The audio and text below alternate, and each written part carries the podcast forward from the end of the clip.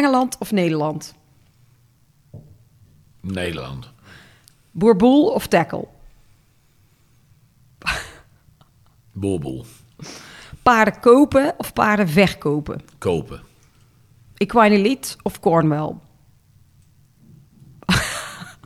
Equine Lead of wie? Cornwall. Cornwall. Cornwall. Equine Lead. We could be here. Leuk dat je luistert naar het tweede seizoen van Horse Heroes. De podcast waarin Floor Schoenmakers van EHS Communications in een persoonlijk gesprek gaat met een hippische ondernemer. Elke week kun je luisteren naar interviews met één of meerdere gasten. Of meeluisteren naar de belevenissen tijdens hippische evenementen in de Horse Heroes Specials. We gaan beginnen. Hij woont inmiddels langer in Nederland dan dat hij in Engeland heeft gewoond. Hij is een bekende naam in paardenland, maar staat niet graag in de belangstelling. Zijn naam is al vele malen genoemd in deze podcast en voor mij is hij een hele belangrijke inspirator geweest tijdens 20 jaar EAS.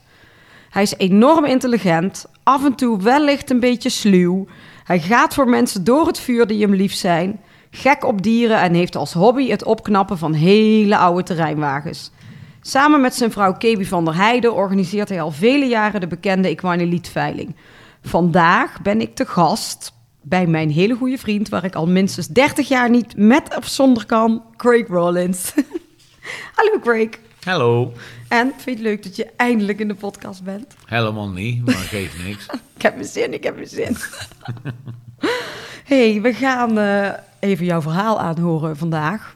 En, eh, want een heleboel mensen zullen jou wel kennen en kennen jou van naam en natuurlijk via KB, maar weten eigenlijk helemaal niet precies waar jij eh, helemaal vandaan komt.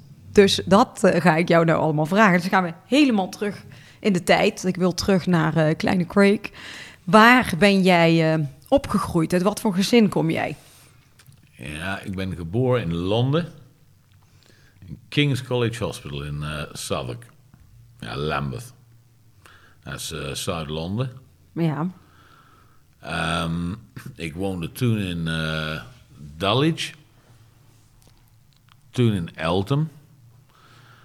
En toen uiteindelijk ben ik eh, naar school gegaan in Kent. Ja. Dus net buiten Londen. maar wat voor gezin kom jij? Had jij je broers en zussen? Ja, mijn broer zit ook in de paarden inmiddels. Eh, mijn gezin waren eigenlijk, eh, ja, hoofdzakelijk mijn vader die trainde boxers.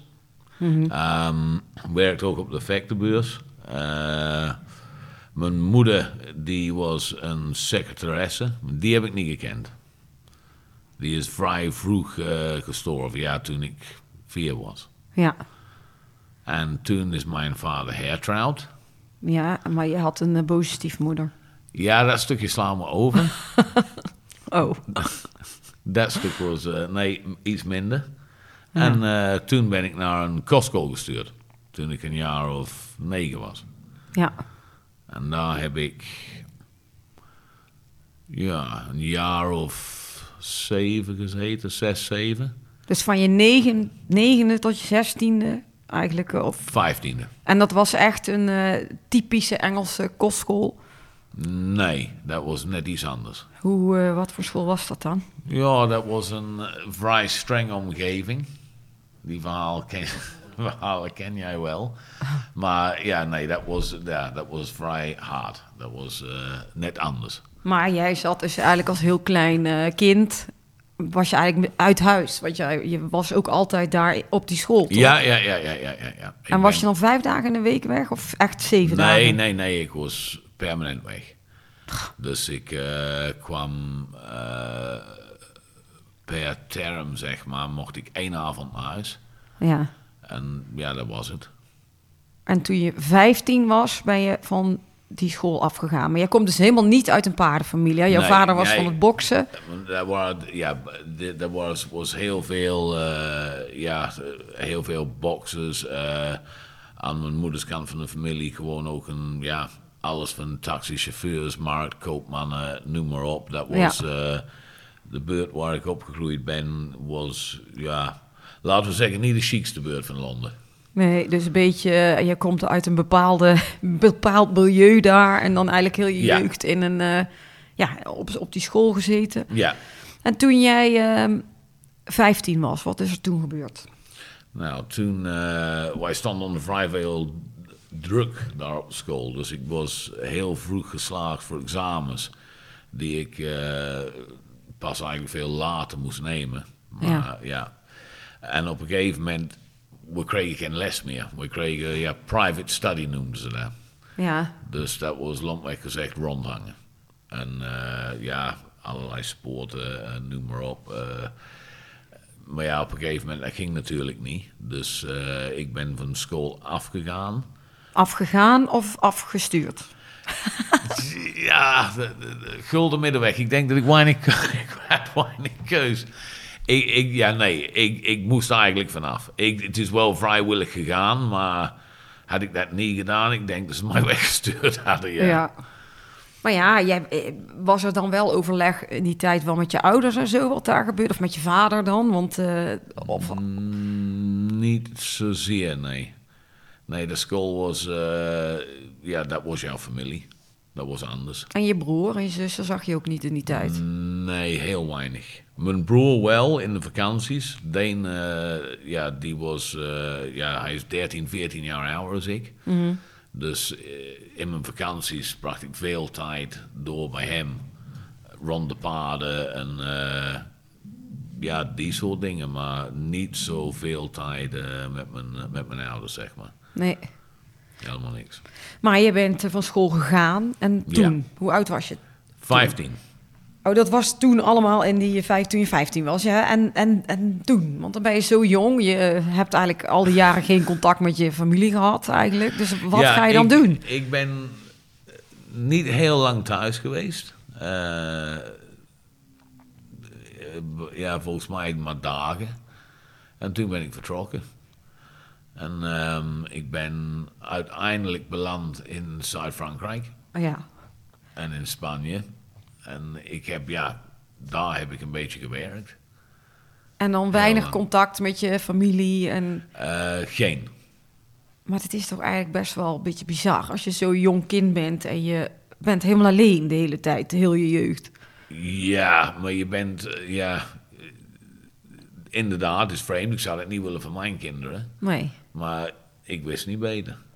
Nou ja, Zuid-Frankrijk. En Ja. daar werkte je als wat? Nou, eerst, eh, eerst had ik hele fijne eh, baantjes in eh, restaurantjes, op campsites. alles van wc's schoonmaken, zwembaden, noem maar op.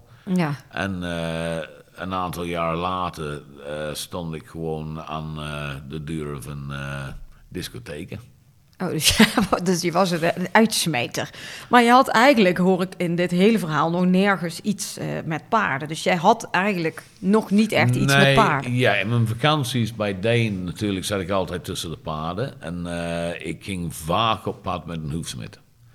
Ehm, Toen, ook toen. Toen ook. Ehm, ja, dat was vanaf, poeh, vanaf mijn twaalfde al. Ja. Dus eh, heel veel. Want even voor, eh, voor de luisteraars nu. Je hebt het over Deen. Deen Rollins is jouw broer, die woont in Engeland. Ja, En waar eh, kan je Deen van kennen? Waar kunnen ze Deen van kennen? Hoe bekend is hij, zeg maar? ik denk overal vandaan. Deen die rijdt nog steeds internationaal. Hij is inmiddels 65. Ja. Ehm, ja, die heeft zoveel betekend eigenlijk voor de Britse dressuursport. Ehm, voor junior, young riders. eh, ja, eh, Hickstead Ja. is van Deen geweest. Die is helaas eh, vorig jaar heeft hij besloten om mee te stoppen. Na volgens mij 25 jaar. Ehm, ja, en nou, ja, hij, hij is meer trainer. Hij zit niet zozeer in de handel. Maar hij is wel eh, altijd een heel belangrijk persoon voor jou geweest. Absoluut, door absoluut. Ja, Deen is eh 14 jaar ouder, 13, 14 jaar ouder. als ik. Dus ja, dat was altijd een vaderfiguur voor mij ja, eigenlijk. die zorgde dat je een beetje op het rechte pad bleef, eh, ergens af en toe. Toen, ja, toen ik klein was, maar toen ik, toen ik eenmaal van, eh, van huis af was, ja, toen heb ik Deen ook eh, zes jaar niet gezien. Nee. Lekker geluid eh, hier eh, boven, boven ons. Ja, dat wordt verbouwd. Nou ja, maakt niet uit dat je dat... dat hoop, hopelijk hoor je dat niet. maar ehm, ehm, nou ja, jij was in Zuid-Frankrijk en je hebt daar al die baantjes gedaan en eh, stond je aan de deur. Hoe lang heb je daar rondgezworven dan? Of had je een huis? Of waar woonde je dan? Dus eh, eigenlijk, dat was ja, eh, meer in, in tenten op, op die campsites waar ik werkte. Ehm, ja, af en toe. Het was echt een beetje zwer, zwerverachtig. Ja, niet zwerverachtig, maar Het was eigenlijk compleet zwerfachtig. Dat was Oh. gewoon zo. ja, maar ja, moet je kijken hoe jong je dan bent. En toen ben je op een gegeven moment eh, in Nederland terechtgekomen. Hoe is dat gegaan?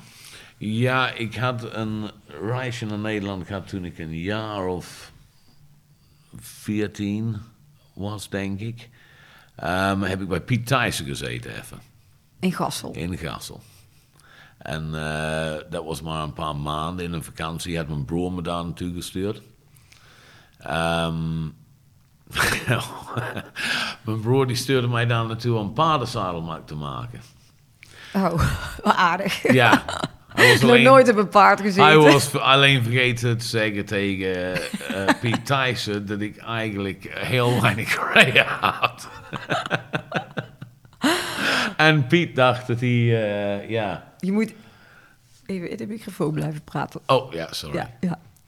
Dus eh, ja, zo heb ik Piet leren kennen. En toen ik eh, 21 was, had ik besloten om ja, toch even hier terug te komen. ja. En eh, heb ik bij eh, Rob Ranieri aangeklopt. Ook weer een hoefsmid. Ja. En, eh, nou, en toen heeft Rob mij op sleeptouw genomen. En ik ben paardjes gaan beslaan. Ja, maar jij hebt ook je opleiding eh, daarvoor gedaan. Ja, ja, ja, ja. Dat was In een, eh, ja, ik heb Deurne heb ik gedaan, ja. Maar hoe ga je deurne doen? Het is een Nederlandse opleiding en jij spreekt Engels.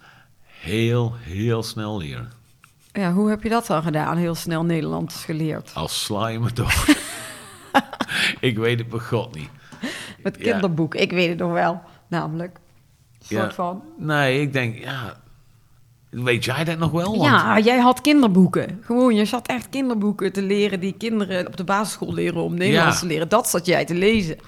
Oh ja, dat zou zomaar kunnen. Maar ja, je Maar- was bij Rob en je hebt eh, het, het vak geleerd van hoefsmid. En waar woonde jij eh, in die tijd? Ik woonde toen eh, in, op de Kasselse Manege. Ja, Bij ehm, ja, die eigenaresse, die eh, had mij een soort woonplek eh, gegeven. Bovenop een zolder. ja. En in ruil daarvoor moest ik haar paarden beslaan. Oh ja, goede deal. Ja, nou. ik vond het allemaal niet zo verkeerd. Zo kon ik het ook leren. Ja, dus toen woonde jij daar op die zolder, heb je een heleboel paarden beslagen. En, en ik weet ook nog een andere woning van jou daar in Gassel. Ja, Dat is denk ik waar ik jou de allereerste keer heb gezien. ja uiteindelijk eh, heb ik een eh, soort eh staarcaravan daar gekregen. maar ja, die was, dat was niet alles. Die, ehm, Had geen verwarming. nee, nee, nee. Ik heb een allesbrander erin gebouwd. Ja, En toen viel de voorkant van die caravan eraf. daar heb je lang gewoond ook, hè? Ja, dus eh Oh. daar heb ik opnieuw moeten verbouwen. En ehm, ja, toen zat ik in ieder geval op Deurne. En eh, Rob werd ziek. Ja. Uh, dus hij moest tijdelijk stoppen. Ehm, ik mocht van hem nog eh, behoorlijk wat van zijn werk overnemen. En ik heb mijn stage voortgezet bij ehm, Wim Oostendorp. Oh ja. Woonde in Elsendorp. ja, dat was een hele ouderwetse smid. Eh, op zich een, eh, een goede leermeester, maar, eh, of maar hij was anders dan anders. Oh ja. It was Rob niet. Nee, dat was, maar ja, jij maakte toen hele, hele lange dagen ook in die periode, toch? ja, ja, ja, ja, ja. Ik heb ook een, eh, een tijdje toen ik eerst bij Rob begon, heb ik eh, in een s'nachts in een vleesfabriek gewerkt een tijdje. Ook nog. Ja, toen ik eerst bij Rob begon. Dat Ja, want je kwam eigenlijk naar Nederland zonder iets. Geen geld, geen auto, geen huis. Klopt. klopt. Deen had jou weer deze kant een beetje opgestuurd, volgens nee, mij Deen wist niet dat ik er was. Oh, die wist helemaal niet dat je hier was. Nee, nee, nee, nee. Dat, eh, dat kwam pas een jaar later. Oh, ja. Maar in ieder geval, ik heb dus eh, mijn stage afgemaakt. Ja. Ehm, ik ben begonnen met eh, eigenlijk voor mijn eigen. En, Hoe oud was jij in die tijd? oh, ik denk, 20, 21, zoiets. ja, rond de 22 zou ik zeggen. Ja. 23. Toen heb ik, heb ik KB ook inmiddels leren kennen. Ehm, ja, en ik ben gewoon verder gegaan met beslaan. En eh, toen eh, deed ik wel wat paardenhandel tussendoor. Ja, maar daar komen we zo. Want jij was hoefsmid, hele dagen onderweg, hele Ja. dagen knetterhard werken. Eh, jij woonde in die staancaravan. Nou ja, daar, daar weet ik ook nog wel Klopt. verhaaltjes van. Dat wij op de manege waren en dat jij bij ons guldens kwam lenen.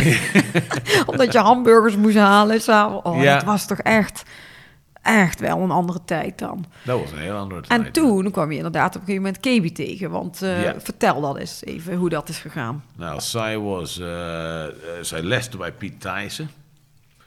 Ehm, en ja, ik was daar constant aan het werk natuurlijk. Ja, Dus ja, nou, van een komt het ander. nou, wat een En- romantisch verhaal. Sorry, jongen.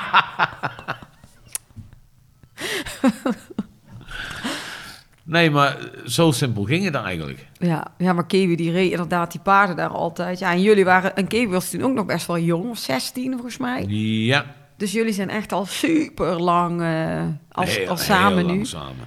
En toen zijn jullie... Wat is er toen gebeurd? Hoe, vanaf dat moment? Kebi is... eh, de- Toen is KB via... Toen had ik eh, via Piet Thijssen en via Deen... Ja. is KB in Duitsland terechtgekomen bij Ja. Taylor Rescue. Ja, Eh, daar heeft zij een paar jaar gezeten. Nou, ik ha- was ondertussen verhuisd. eh, had ik weer een caravan gekocht. ja, en eh, een stallen gebouwd van C-containers. ja. En ik ben eigenlijk langzaamaan begonnen met eh, een beetje paardenhandel. Tussendoor. Ja, want hoe kwam dat dan? Omdat jij met de hoefsmid mee, dat je toch een hoop paarden zag. Want hoe ben jij in, de, in die handel terechtgekomen? Eh, nou, dat kwam eigenlijk door een, een Engelse ruiter. was een eh, ponymeisje. Sarah Millis. Ja, Ehm, en ik kreeg een, ehm, een brief volgens mij van haar toenmalige trainer, Carrie Allen. En zij vroeg mij naar een pony. oh ja. Of ik iets wist, of eh, onderweg iets tegen was gekomen. Of, eh, nou, ik zeg, nou, ik ga het proberen. En ehm, toen is eh, Sarah hier naartoe gekomen en ze heeft een pony gekocht. En dat was Virginia. En Virginia heeft volgens mij tien of elf EK's gelopen onder verschillende rides uiteindelijk. Oh ja? Ja. Oh, dus, dat was meteen een hele goede... Dat was een goede reclame. Ja. Dus toen kwamen er steeds meer mensen. En eh, ja, nou vertel ik het een beetje snel, maar het ging langzaamaan. Ja, verkocht ik steeds meer paarden tussendoor. Ja, maar jij had die caravan gekocht, die tweede caravan. Toen je wegging in Gassel, toen gingen jullie naar, eh, naar de Reek. Dat klopt. En daar had je die zeecontainer. Ja, ik had een, eh, twee zeecontainers naast elkaar gezet. Ik had eh, deuren ingelast en wanden ingemaakt. En dat waren mijn stallen, zeg maar. Ja, Ehm, een caravannetje erachter. De rijbak was eh, gewoon omgespit bosgrond. Dat Ja. was het. En eh, toen is KB teruggekomen uit Duitsland en wij zijn daar verder gegaan. en want zij was natuurlijk toen al heel jong. eh, ja, dan wist iedereen dat zij heel, heel goed kan paardrijden. Dus ja, jij had zoiets van, wij gaan daar iets mee doen. Maar wie was dan het allereerste paard? Hoe kom je nou bij de naam Korenbloem? ja Cora Bloom was een, eh, een Wolfgang. En die had ik gekocht ehm, samen met, eh, met iemand toen, met eh, Peter Robben. Oh ja, En hij had een maanoog en hij heette Cora Bloom. en dat was het allereerste paard dat jij hebt gekocht? Een veulen. Ja, was een veulen toen, ja. Was de allereerste. En die, die heb je ook onderweg gevonden toen je hoefsmid was. En jij dacht. Ja, en zo- wat dacht je dan? Die is heel speciaal. Of wat, wat was daarmee? Waarom kocht je die? Ja, een raar oog. Ja, dat was. hij had een blauw oog. Nee, het was, nee, het was wel, hij had een beetje kwaliteit. Maar ja, laten we het niet hebben over toppaden, want daar was ik toen niet mee bezig. Nee. Dat was een, eh, ja, voor mij was het een toppetje, laat me zo zeggen. Maar, Ja, maar, want als jij eigenlijk geen paardenachtergrond hebt, je hebt zelf niet gereden, je bent eigenlijk op, opgeleid, soort van, door allemaal stages als, eh, als hoefsmid. Hoe weet jij dan dat het een goed paard is? Want er kwam inderdaad Sarah Millis, die vroeg om jou om een pony. Maar wist jij dan wel van dat, dat die kan Ja, goed ik lopen? was- of, nee, ik was natuurlijk eh, wel opgegroeid tussen de paarden. Alleen, het was nooit echt... eh, ik, ik kwam natuurlijk uit de stad. ja, Dus eh, ja, het was niet echt iets voor mij. Ik had er nooit bij stilgestaan dat ik enigszins daar een beetje verstand van zou hebben. En ik ben nog steeds niet van overtuigd, maar even goed. nou, zo is het gegaan. En dat je eigenlijk ook misschien wel heel veel hebt gezien bij Deen en ook bij Kebi als die in het rijden ja, was. Ja, ja, eh, ja, ja, ja, nee, zonder meer. En KB had natuurlijk, eh, ik zit nou te denken, KB had natuurlijk eh, het paard Chopin racen. Dat was eh, eigendom van een vrachtwagenchauffeur, eh, Piet Linders. En ehm, ja, Chopin had de nodige röntgenologische problemen, dus hij was onverkoopbaar op dat moment. ja. En KB heeft hem opgeleid. En uiteindelijk heeft ze, eh, ja, door de Young Riders en het Nederlandse team um, in Helsinki gereden. En ja, er kwamen gewoon steeds meer klanten, buitenlandse klanten. ja. En toen zijn we nog verhuisd. eh, weer naar Equinovens in Udrode. Ja. Nou, dat weet jij natuurlijk. Ja, Dat weet, jij ook daar heb ik ook nog gewoond. En ehm, ja, er kwamen steeds meer paarden bij. En steeds meer buitenlandse klanten. En inmiddels ook via mijn broer. ja. Een aantal Canadezen. En ja, die Engelsen, dat bleef zich maar opstapelen. Dus ik moest op een gegeven moment stoppen met beslaan. Het, ging gewoon niet meer. ja, want dat heb je al die tijd er wel bij gedaan. Dat je hele Ja, dagen constant. nog steeds... Ik, eh, ik, ik was echt eh, ja, 18 uur per dag bezig. Maar ja, dan kom je ook op heel veel plekken. Dus je komt ook overal. overal. Je Ja. kent iedereen. Je kan overal vragen eh, wat er te koop is. Dus dat heeft je denk ik ook wel geholpen om eh, met die handel te beginnen. Misschien of niet? Jawel, nee, dat heeft zeker geholpen. Op een gegeven moment wordt je netwerk steeds groter. En eh, ja, wij hadden steeds geluk met de paarden, laat me zo zeggen. Wij verkochten de juiste paarden aan de juiste mensen. De beesten bleven presteren. En eh, er kwamen steeds meer klanten. Dan is toch één verhaal van één van die paarden. Een van die eerste paarden die jij hebt verkocht. Je gaat over Indie beginnen. Ja. natuurlijk. Ja, Want dat was, eh, misschien- dat, dat kan ik nog echt, want dat was in die tijd in de zeecontainers. Dat klopt. Ja, Indy, dat was... ehm, ja, zijn afstamming was volledig onbekend. Ja, Ehm, ik was bij een handelaartje in Beers, Tine Samanissen. ja, En eh, ik was daar paarden kijken en ehm, hij had eentje op een vrachtwagen staan. Die ging naar de slag, zei hij. Ehm, en ik vroeg of ik hem even mocht kijken. En eh, hij was kreupel, zijn been lag open, een hoop wild vlees erop. En ehm, die heb ik toen gekocht van hem voor veel meer een slagprijs. ja. Niet, niet eerlijk, maar eh, anders kreeg ik hem niet. Ik heb toen 1800 gulden voor betaald, dat weet ik nog. 1800 gulden. En eh, nou, na veel vijf en zessen ehm, kreeg, we Indy toch weer op de rit. ja. Ehm, hij is eh zadelmak gemaakt door nog een kennis van mij, Geert Meulenpas. Ehm, en KB heeft hem meegenomen naar Duitsland. Ja, maar hij was echt heel knap. Was toch een heel knap was- paard? Ja, het was een knap paard. Was een, dat was werkelijk echt een heel goed paard. Ja, En eh, die is eh, uiteindelijk eh, teruggekomen met KB uit Duitsland. En die hebben wij verkocht naar, terug naar Duitsland aan Michael Fassbender. ja. En dat was eigenlijk een beetje onze startkapitaal.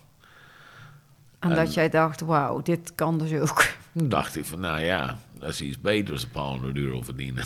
Ja, maar ja, dan heb je wel... Dat, dat was denk ik de eerste keer heel die combinatie van... Dat je, wat jij kan doen in de handel en draaien van Kiwi. En dat jullie twee samen ja, ja, ja, ja, ja, absoluut. Absoluut. Ja, leuk. Zo is het gegaan. En ehm, ja, nou zijn we eigenlijk een heel eind teruggegaan. Maar Ja, omdat we, we wa- waren in zon. Of in, op Oh, Equinova. ja, op Equinova, ja. Nou, en daar hadden wij stallen gehuurd en een, eh, ja, een soort appartement. Dat was meer keldersappartement. Fe- Zo'n feest, zo'n feestzaal Ja. was het weer. Met een grote bar erin. Ja, klopt. Ehm, en daar hebben we... Daar had je ook heel veel hengsten. Dat was Jester, Kennedy, die ja, tijd. Jester, Kennedy, ehm Shop was het toen nog. ja, Chopin was er nog bij. Eh, hij is uiteindelijk verkocht ehm, naar Anje Plunske. En dat was wel mooi, want net wat ik zeg, hij was echt afgekeurd, dus tweejarig al. En hij is uiteindelijk naar Anje Plunske eh, terechtgekomen bij eh, mevrouw Swarovski. Oh, En hij heeft zijn hele leven meegedraaid. ja? En ja, ik weet, ik weet bij god niet wat er met hem gebeurd is uiteindelijk, maar... Nee, ja, met, misschien met pensioen uiteindelijk. Met een mooi Swarovski-hals erop. hey, maar ja, en toen na die periode bij... eh, in die tijd hadden jullie ook... KB deed ook veel eh, wedstrijden rijden. Dat was toen, ze was natuurlijk al jong veel, ja. begonnen. Hè, dat ze de ja, Helsinki en zo. Ja, er kwam er steeds meer bij. De, de, wij hadden toen... eh, ehm, ja, Memphis had ze. En dan eh, Toy Story, Watino. Ehm, ja, er kwam een heel reeks wedstrijdpaden. Ja, en ook de hengsten en zo, hengstcompetities gedaan. Ze heeft heel veel daarvan gedaan. WK gereden met Jeste. Ja, ze een brons medaille. Eh, ja, maar dat was eigenlijk denk ik een beetje... Dat dat dus ook hoe meer successen KB had, hoe meer die weer zich liet zien. En, en dan jullie naam Ja. samen. Zeker, en dat trok steeds meer eh, klanten. En ondertussen, terwijl KB zo goed presteerde zelf in de sport, de paard die wij verkocht hadden, deden het eveneens Goed. ook heel goed. Dus ja, er kwam steeds meer bij. Maar toen je in Equino of eh, in, in, in, of in zon zat, dan, had je tien stallen gehuurd. Er waren paarden die je trainde voor anderen. Of was dat ook al allemaal handel? Nee, wij hadden sommige handel, maar toch wel eh, wat paarden van, eh, van andere mensen. Om te- en waar ben je dan vanaf daar naartoe gegaan? Vanaf daar zijn wij uiteindelijk naar Weer toe gegaan. Toen hebben wij eigenlijk een, een stal gehuurd met negen boksen. Ehm, in een woning. Illegaal. Illegaal. Eh, we hebben alles moeten verbouwen. En eh, ja, met een buitenbak. Zoals zoveel mensen beginnen. Ik was ondertussen... Was ik denk ik een jaar of... Ik denk 25. 26. Dus het was allemaal... het- Best wel kort op elkaar. het ging vlug, het ging snel. Ehm, en eh, ja, wij hebben daar wel een jaar of drie gezeten. En goed de kost kunnen verdienen. Omdat we natuurlijk weinig kosten hadden. Ik bedoel, de stal was niet alles. Nee. was allemaal zelf gebouwd. Ehm, en toen eh, hebben wij Dispel gekocht. Ja, waar je nu zit. Waar ook al eh, jarenlang de Equine Elite-veiling eh, wordt georganiseerd. Dus je hebt kwam iets later, maar ja. Ja, dat kwam iets later. Maar jij hebt, je bent dus eigenlijk eh, met een achtergrond ehm, zonder paarden uiteindelijk hoefsmid geworden, die handel ingekomen. Verschillende plekken gewoond, kwam je op de plek waar je nu al een aantal jaren zit. Als je dat hier omschrijft, wat is dit voor een voor bedrijf waar je nu zit?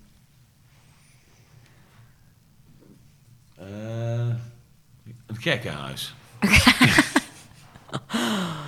nee, het is, ja, het is prachtig. Ik bedoel, eh, het is hier ja, een hectare of zes hebben we. Eh, binnenbak, eh 40 boksen. ehm,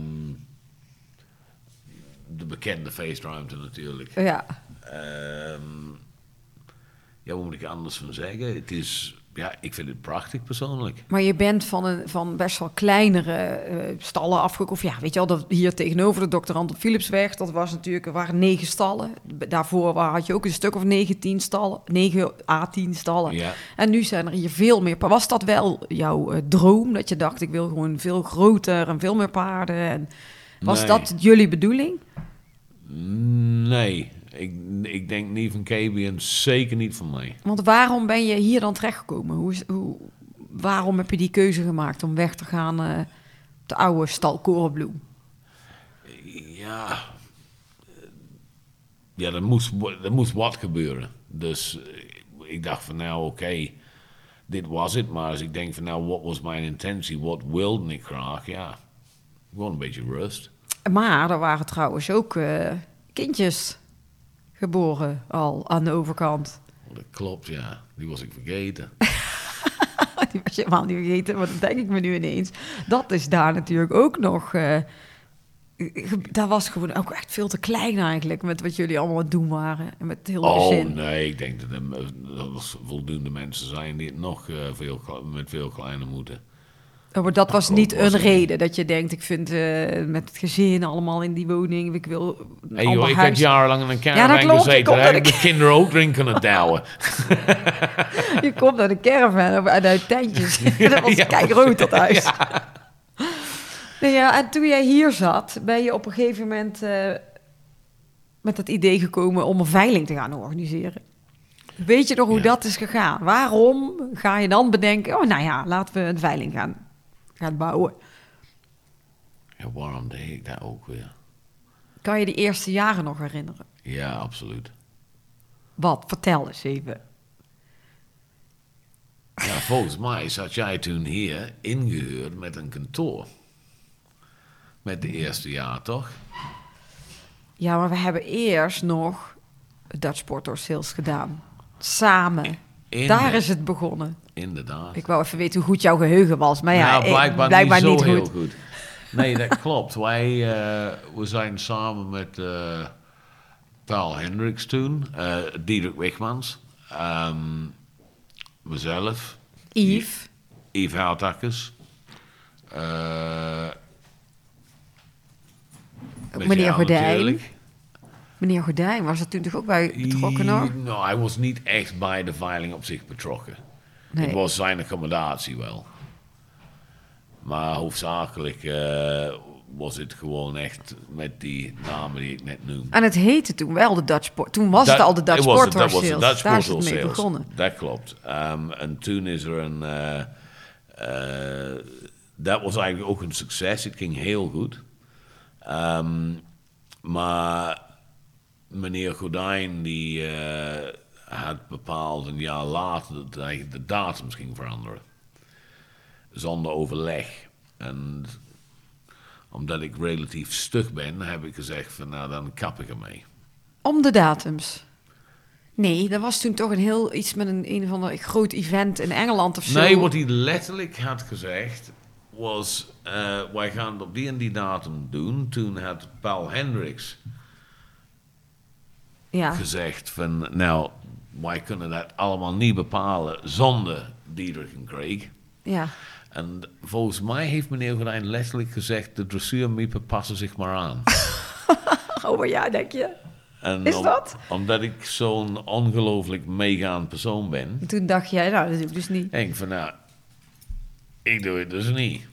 Oh, Ehm, en er waren inderdaad eh, de Brits kampioenschappen. Ja, dat kan ik me nog de- herinneren. in dezelfde periode. Dus het was sowieso onmogelijk.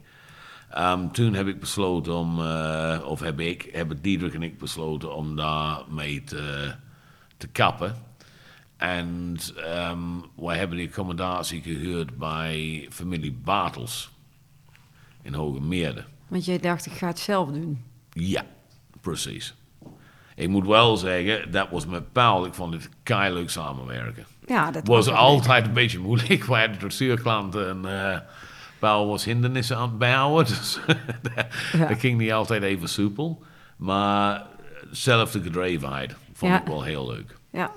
En eh, toen zijn wij naar, eh, naar die academy gegaan.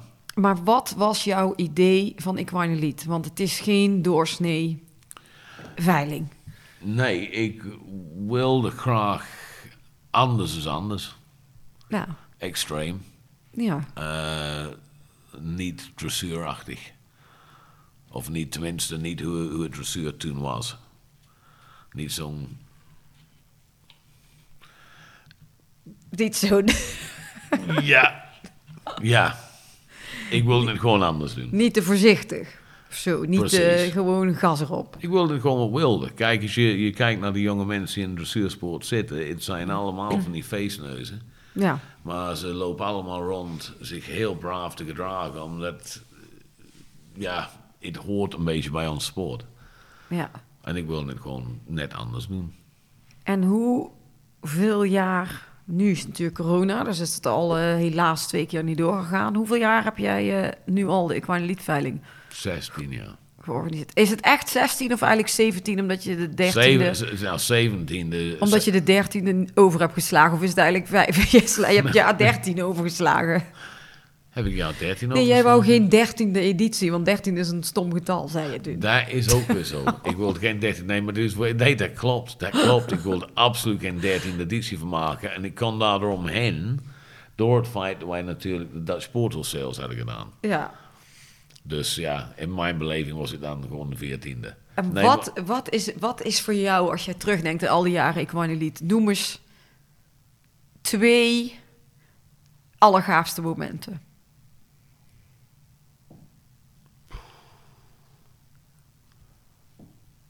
Nou, ik kan 16 noemen. Dat was iedere keer als het afgelopen was. Ja. Het, Ja. is, eh, het is natuurlijk behoorlijk veel spanning om het allemaal goed te organiseren.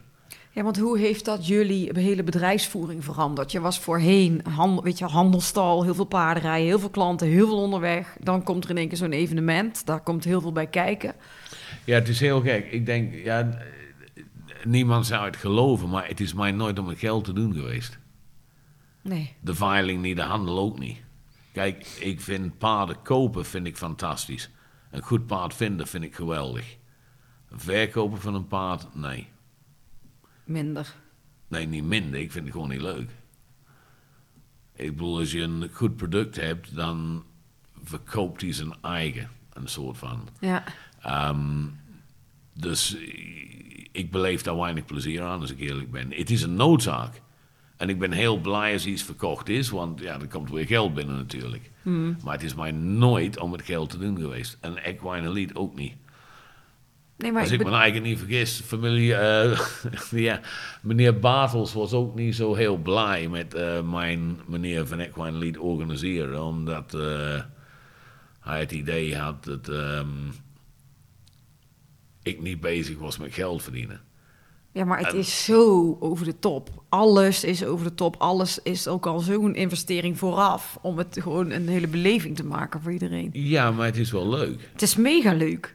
Het is mega leuk, maar ik bedoel ook Jij een hebt er beetje- zelf aan meegewerkt een aantal jaar. Ja, dus niet, ik, weet, ik, weet, ik weet het, hoe leuk het is. Maar ik bedoel meer ook eh, bij jullie als bedrijf. Je hebt, daarom vraag ik het, maar ik wil niet jouw interview vertellen. Hoe is het de bedrijfsvoering veranderd? Je bent je maanden per jaar bezig eh, met die organisatie. Waarom, wat houdt het in? Nou, dan, ja, ons bedrijfsvoering stopt. Ja, de gewone Eigenlijk handel. hoofd- de gewone handel stopt hoofdzakelijk. Niet helemaal. Wij doen wel wat. En wij hebben natuurlijk ook eh, inmiddels paarden ook in Engeland staan. En eh, daar lopen wat dingen door. Maar in principe inderdaad, wij liggen stil. En eh, dan concentreer je je eigenlijk puur en alleen op Equine Elite. Ja, want je begint eh, al een half jaar van tevoren met eh, hoe moet de show eruit zien. Meestal in, eh, in maart hebben we de eerste bijeenkomsten. Ja. Zo'n beetje. En dan wordt er, wat wordt er dan bepaald? Dan beginnen we langzaamaan te bepalen een beetje het thema. Ja. Entertainment, ehm langzaamaan catering, eh wineproeverij natuurlijk, moet allemaal gecheckt worden. Ja. Ehm, eh, ja, we- we- je, je begint alles langzaamaan te voor, voor te bereiden. Ook muziek. eh, van alles. De inschrijvingen van de paarden, wanneer Dat begint komt dat? Later. Dat komt pas. Ja, dat doen wij. De selecties zijn meestal eh, de eerste week augustus. Ja, Eh, na de selecties eh, beginnen de keuringen. En dan begin jij natuurlijk met de catalogus maken voor ons. Dus eh en dan komen die paarden ook allemaal al hier. Die arriveren pas meestal half september. Ja, maar dan heb je dus half september tot na de veiling, die eind oktober is, zes weken lang eh, Ja. hier allemaal ja, gastpaarden, zullen we maar zeggen. Dus dan, wat, wat heb je dan met je eigen paarden gedaan in die tijd? Weggebracht. Dus dat bedoel ik. Moet je kijken hoeveel invloed het heeft Ja. op jou, eh op Wij je plaatsen nou, nou ondertussen plaatsen wij ook natuurlijk wat, eh, wa- wat stallingstenten erbij. Ja, Ehm, die hebben we nou uiteindelijk in ons bezit en de stallen ook. Dus wij kunnen gewoon een beetje uitbreiden. Eh, veel paarden moeten we wegbrengen, wegzetten. Dan komen de paarden inderdaad van derde. Eh, wij hebben ruiters komen ja, van, vanuit Engeland. eh, eentje uit Amerika zelfs. Ehm, die zitten allemaal ja, in datzelfde team. ja. En die werken gewoon mee tot het laatste moment. Want hoe groot is het team wat meewerkt aan Equine Oeh, is dat een serieuze vraag? Ik denk dat jij dat beter weet dan ik, maar het is groot. Ehm, Als je het schat, ik denk wel in de hand, onderhand een man of dertig niet. ik denk, ja, ik denk dat, dan heb je het alleen over de stallen. Ja, En dan begint de catering. eh, de- ja, noem maar op. Ik, ik denk dat er misschien wel... Ja, overdrijven, ik zeg 100, 125 mensen totaal. ja, dat zou best wel kunnen, ja. Maar ja, je hebt... Ja, weet je, iedereen die ooit bij die veiling is geweest... die weet ook wel eh, hoe die sfeer is en hoe het allemaal in elkaar eh, zit. Maar ja, ik weet niet of iedereen zich beseft... dat jullie ook elk jaar, een half jaar van tevoren... sowieso wel al bezig zijn met het organiseren van Oh, Equine nee, ik, ik denk van de meeste mensen, ik ga het allemaal over een avond. En het is, ja... En Die, ja. eh, ja. Maar nu is twee jaar niet geweest. Wat heeft dat betekend voor, voor jullie, gewoon hier met het bedrijf? Rust. Ja, fijn? Vond je het fijn? Ja, nou weet je wat het is? Ik heb zoiets. eh, je past je eigen gewoon aan. Ja, Dat is heel normaal. Het is niet anders. Hey, ik, ik kan er niet over gaan lopen zeuren. Het is nou zo. maar je Dus- hebt nooit gedacht, ik ga online. Nee, absoluut niet. Waarom zeg je dat zo stellig? Omdat ik. Het, hoort gewoon niet bij wat wij doen. Nee. En ik denk dat dit. eh, de mensen willen graag de paarden proberen. Kijk, als het voor, net wat ik zeg, als het puur om het eh, geld ja. ging, Ja, dat zeg was, je ik, hier wel goed was mee. ik online gegaan. Ja, dat maar jij wil de beleving. Ja, en wij hebben de veiling op zich niet nodig om paarden te verkopen. Wij eh, blijven trainen, wij hebben ruiters en wij blijven doorwerken. En dus zonder de veiling doen we, doen we hetzelfde. Maar online, nee. nee. En maar wat denk jij als je terugdenkt, als je zo jouw verhaal aanhoort, waar je vandaan komt, eigenlijk niet een achtergrond met paarden, best wel alleen, geen familie achter je, ja, je broer gelukkig, en je bent goed contact met je zussen, Kebi, super eh, talentvolle Amazone altijd, met een hele betrokken familie. Ja. Maar wa- wat is het geweest bij jullie twee, wat dat hele succes gemaakt heeft uiteindelijk? Denk je? Geluk. Nee, daar geloof ik niks van. Nou, ik denk, weet je wat het is? We zijn, KB is heel erg gedreven. Ja, Dus ook een supermoeder. ja, We hebben hele fijne kinderen. Onze Holly is natuurlijk nu 21, dus die werkt ook gewoon heel mee. jonge ouders geworden zijn jullie ook. Ja, inderdaad. Ehm, ja, ik weet het niet. Ik denk gewoon... ik Of ben- is het gewoon keihard werken en een doel hebben waar je naartoe wil? Heb, heb je er, is het ooit een plan geweest, alles, of is alles gewoon ontstaan? Nee, er is geen ultieme plan. Dat, dat, dat heb ik zeker niet. Omdat dit, eh, dingen veranderen nou eenmaal. Dus Ja. je mijn hele leven, ik blijf mijn eigen aanpassen. Dat doen we allemaal. Ja, maar je bent Dat niet iemand, nodig. want dan hadden we het in de intro, eh, zei ik daar al wat van. Jij bent niet iemand die graag op de voorgrond staat of die heel veel eh, ik. overal aanwezig is. KB daarentegen, die kom je overal op de evenementen tegen en die oh ja, nee, KB, KB is echt een feestneus. Nee, ik, ik heb het gewoon simpelweg niet zo op. Ik vind het leuk om aanwezig te zijn en die dingen te doen.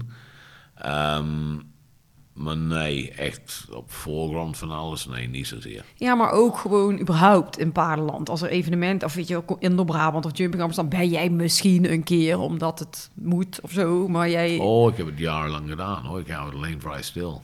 ja, maar niet, niet, ja, maar niet, ook niet heel graag, toch? Van harte dat jij overal zo eh, naartoe gaat.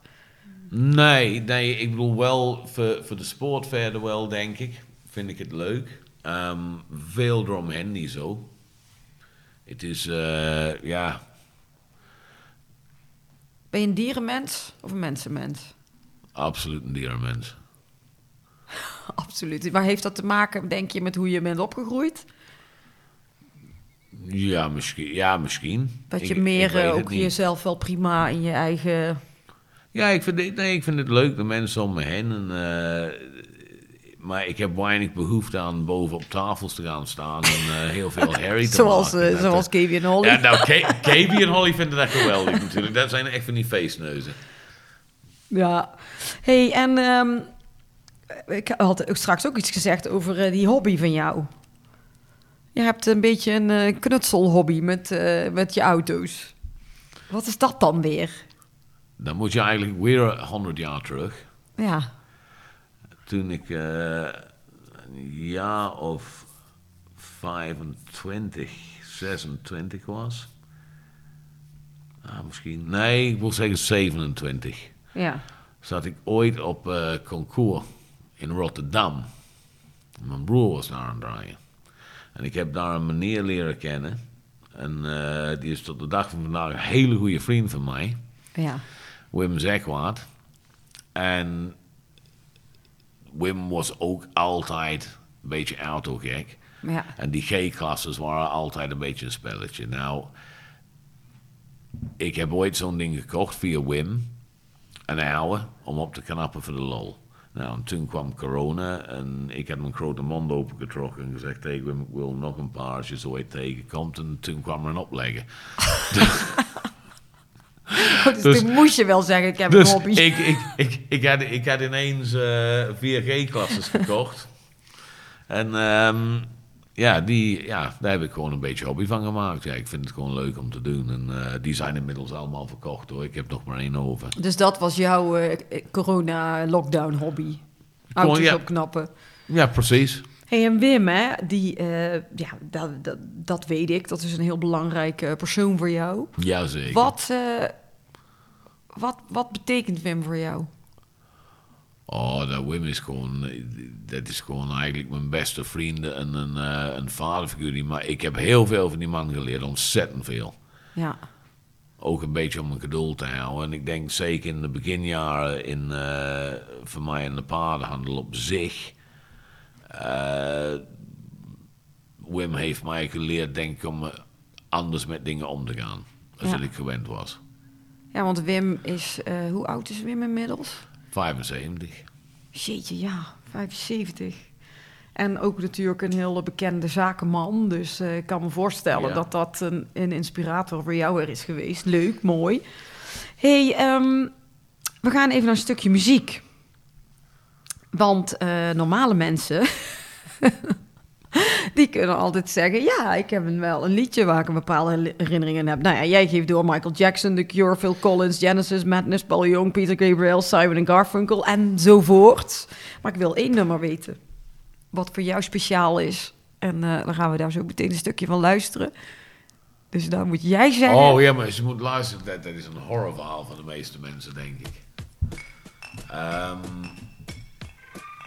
Nee, wat, een liedje wat voor jou een speciale herinnering is. En dan komt die dadelijk een stukje hier in de podcast.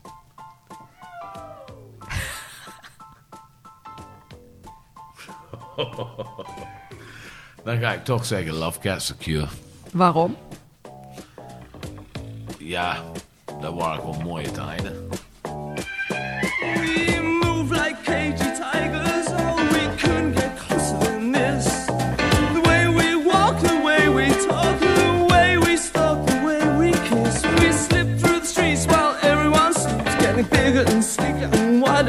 try to remember.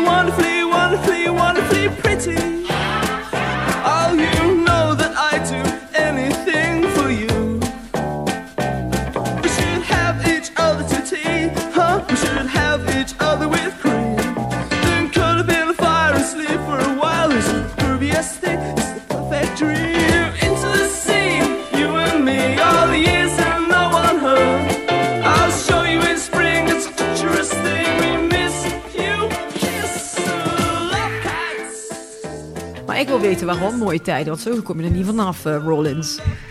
Wat voor een tijden? Waar? Wanneer? Waar was je? Ja, toen was ik nog op rondreis. In, in eh, Frankrijk. Ja, en eh, ja, overal nergens. En als je mij echt precies vraagt waar...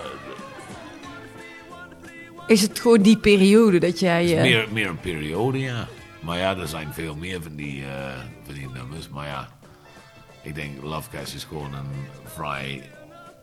Maar wat heb jij uit die periode geleerd eigenlijk? Vooral toen. Want dat was natuurlijk best wel bizar. Weet je, als je kijkt, nu heb je zelf kinderen en, en die leeftijd. Nou, ik zou het zeker a- nooit zo willen voor mijn kinderen. Maar ik heb er nul spijt van en ik heb geen enkel gevoel van eh, het had anders gemoeten. Dat was nou eenmaal zo. Maar neem je het je vader kwalijk? Absoluut niet.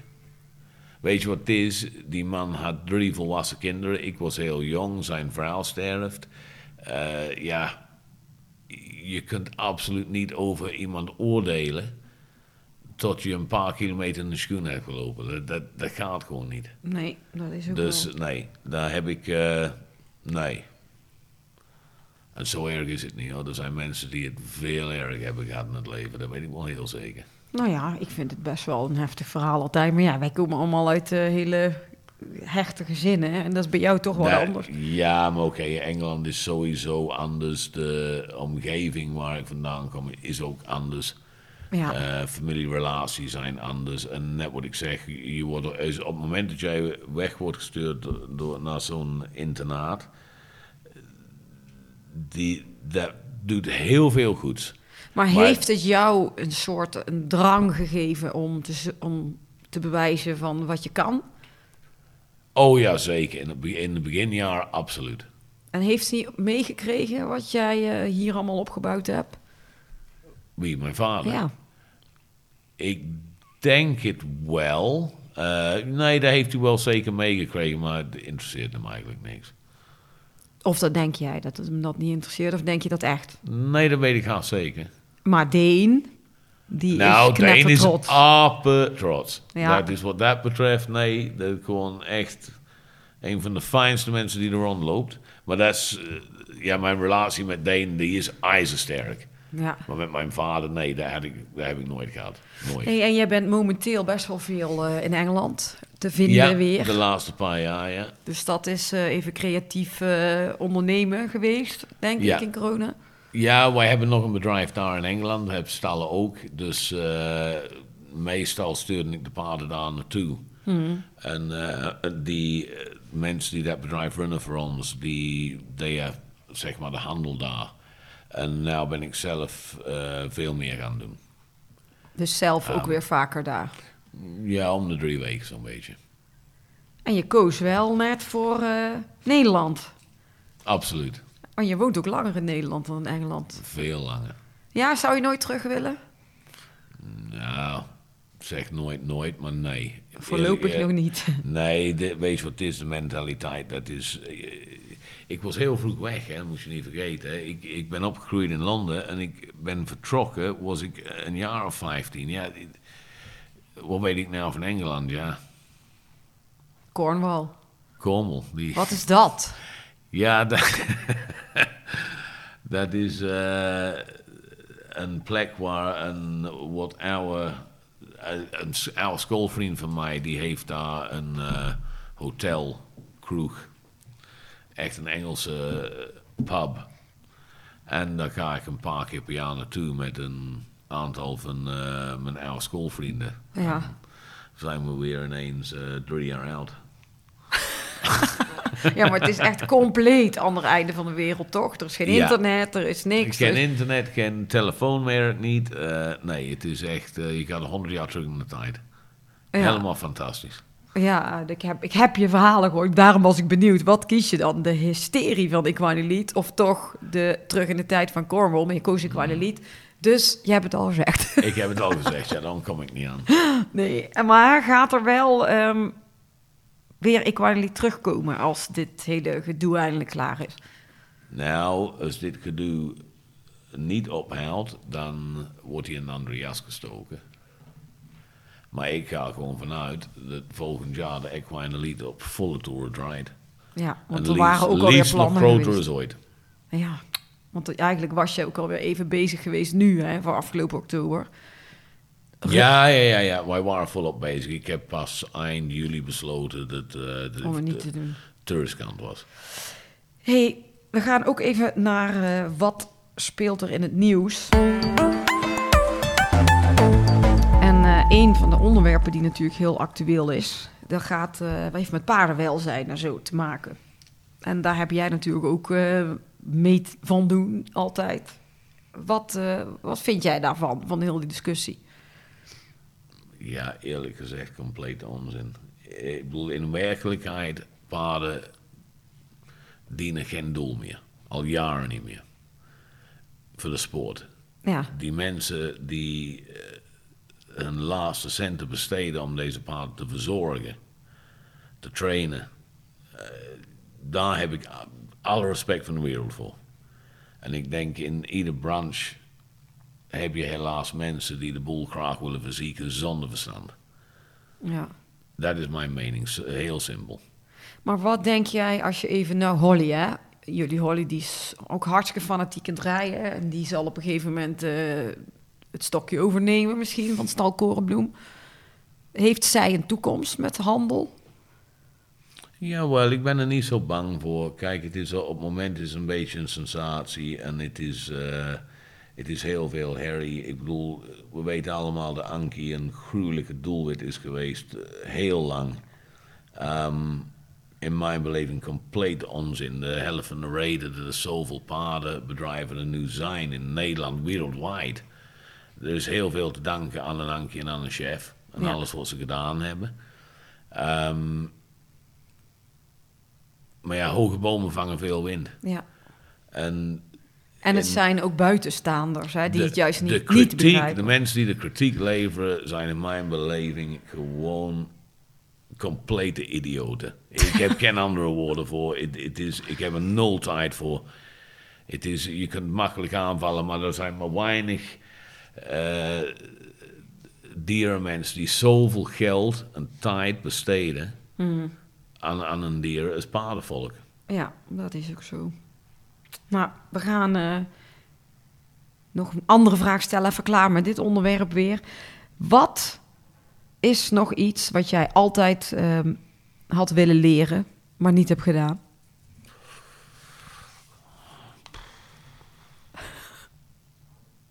Nadenken, nadenken. Dat is een goeie.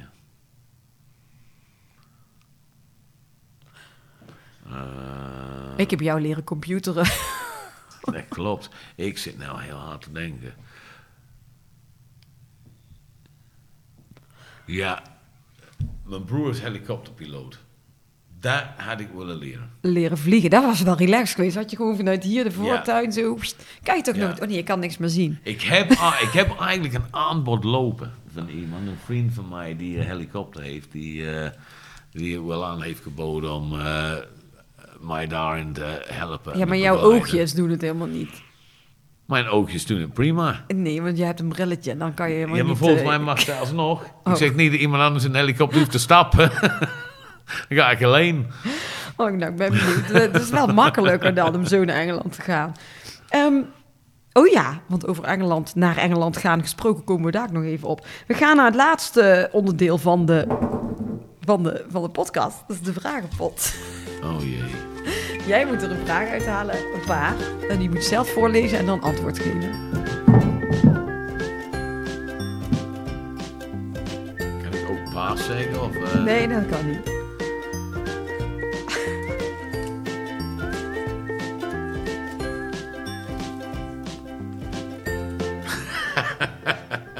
Hoe, hoeveel paar schoenen heb je? Ehm overrek. Eh ik zou schatten. 12, Ja, natuurlijk heel serieus. 13, weet ik veel. Hoeveel paar schoenen? Dit, eh, eh, heb, je een man, heb je een mannenbak? Of is het alleen voor die voor de, voor de vrouwen allemaal? Nee, doe maar volgend. Jongen, jongen, jongen. Soms komen er hele intelligente verhalen van, maar bij jou, bij jou niet. Geef jij onbekenden wel eens een helpend hand? Nou, ik denk het wel. Een onbekende? Ik denk het wel, ja. Noem maar eens iets. Nu, wil je serieus een voorbeeld? Ja. Eh,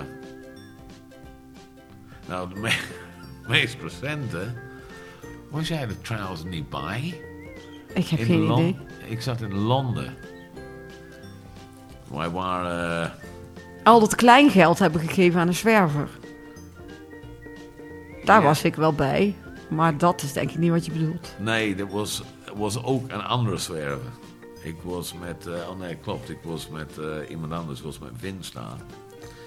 En daar kwam een man naar mij toe. En die was een beetje aan het bedelen om geld. En die beweerde blind te zijn. Ja. En ik zei iets in de trend van ja, het zou wel, maar eh, je loopt verder goed. En toen heeft hij zijn bril uitgedaan en hij mist allebei zijn ogen. Oh, En toen heb ik hem een duizend euro gegeven. oh echt? ja, dat was best zielig. Ja, ja. Maar dat kon hij toch niet zien dat 1000 euro was. Is dat net zo goed een tientje Nou. kunnen zijn. Oh nee, grapje. Maar wel echt waar? Dat heb ik echt gedaan. Vince was dus duivels, maar dat heb ik echt gedaan. En dadelijk is hij beroofd.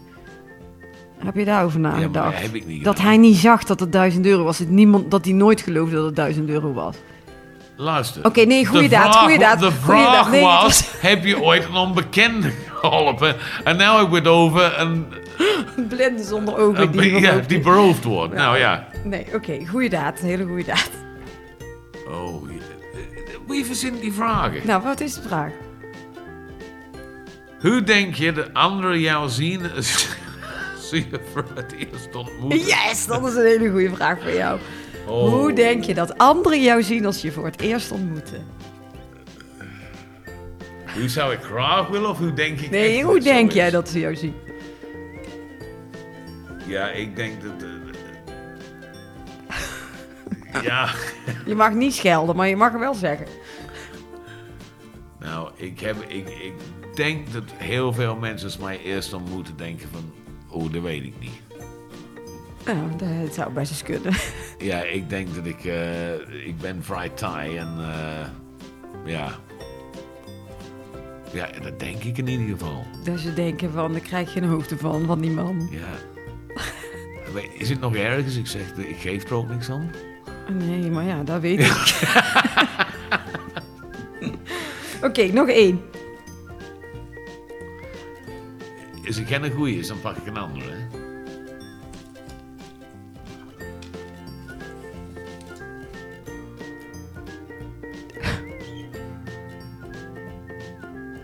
Hoe ziet je ideale vrije dag eruit? Ja, dat is een goede afsluiter. Nou wel, want eerlijk gezegd, ik blijf erbij. Nederland boven Engeland, maar mijn ideaal vrije dag loop ik door de straat van Londen. Ja, dat dacht ik al dat je dat ging zeggen. Oh ja, en hoe? En wij hebben iets leuks. Oh, wat hebben we? Ja, wij gaan iets leuks zeggen, toch? Jij hebt weer een leuk idee gehad, wat ik ga doen. Oh, inderdaad. Ik Want? had een leuk idee. Over Londen gesproken. Over Londen gesproken. Nou, ik dacht, dus een leuk idee zou zijn. Ik ben een Engelsman die in Nederland woont. En ik vond het leuk als je dan vanuit Nederland naar Engeland toe gaat. Ja, Dus jouw volgende interview is volgens mij met mijn broer, met je broer en met Carl Hester, Carl Hester, Garrett Gareth Hughes, en met Shane Breen. Shane Breen. En nog één die nog even onduidelijk gaat zijn. Nee, dat ga ik regelen. Jij gaat gewoon met Scott Brash. Ja, dat zou tof zijn. Of met Charlotte Fry. We gaan het zien, we gaan het zien. Maar wat in ieder geval heel leuk is, lieve luisteraartjes... die nu vlak bij de radio gaan zitten misschien... ik ga dus binnenkort...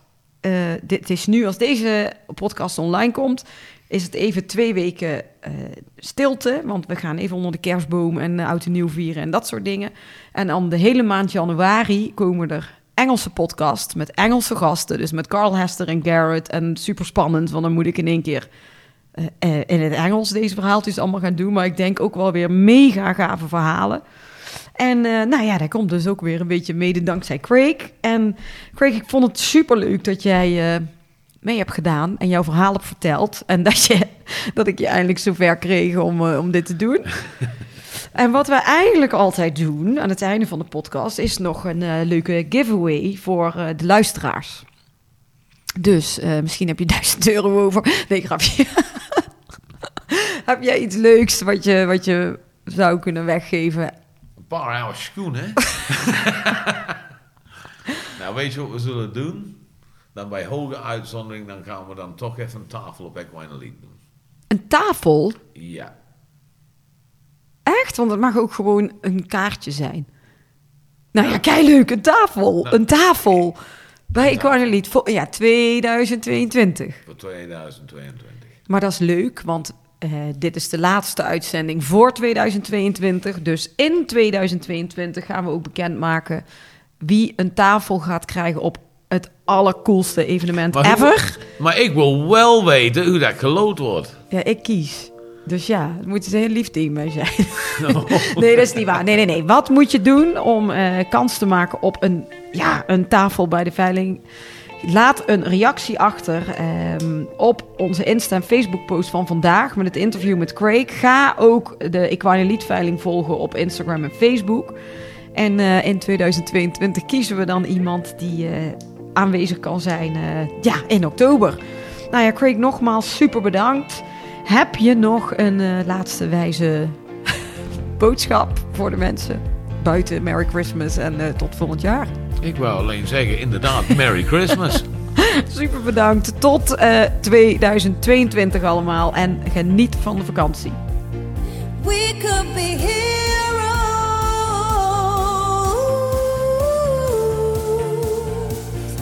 Dit was hem weer, de Horse Heroes podcast. Wil je meer weten over Floor, haar bedrijf of deze podcast? Kijk dan even op de website van ehscommunications.nl. En wat je ook zeker even moet doen, is je abonneren op deze podcast om geen enkele aflevering te missen. Het zou helemaal top zijn als je dan meteen een beoordeling achterlaat. Tot volgende week! We could be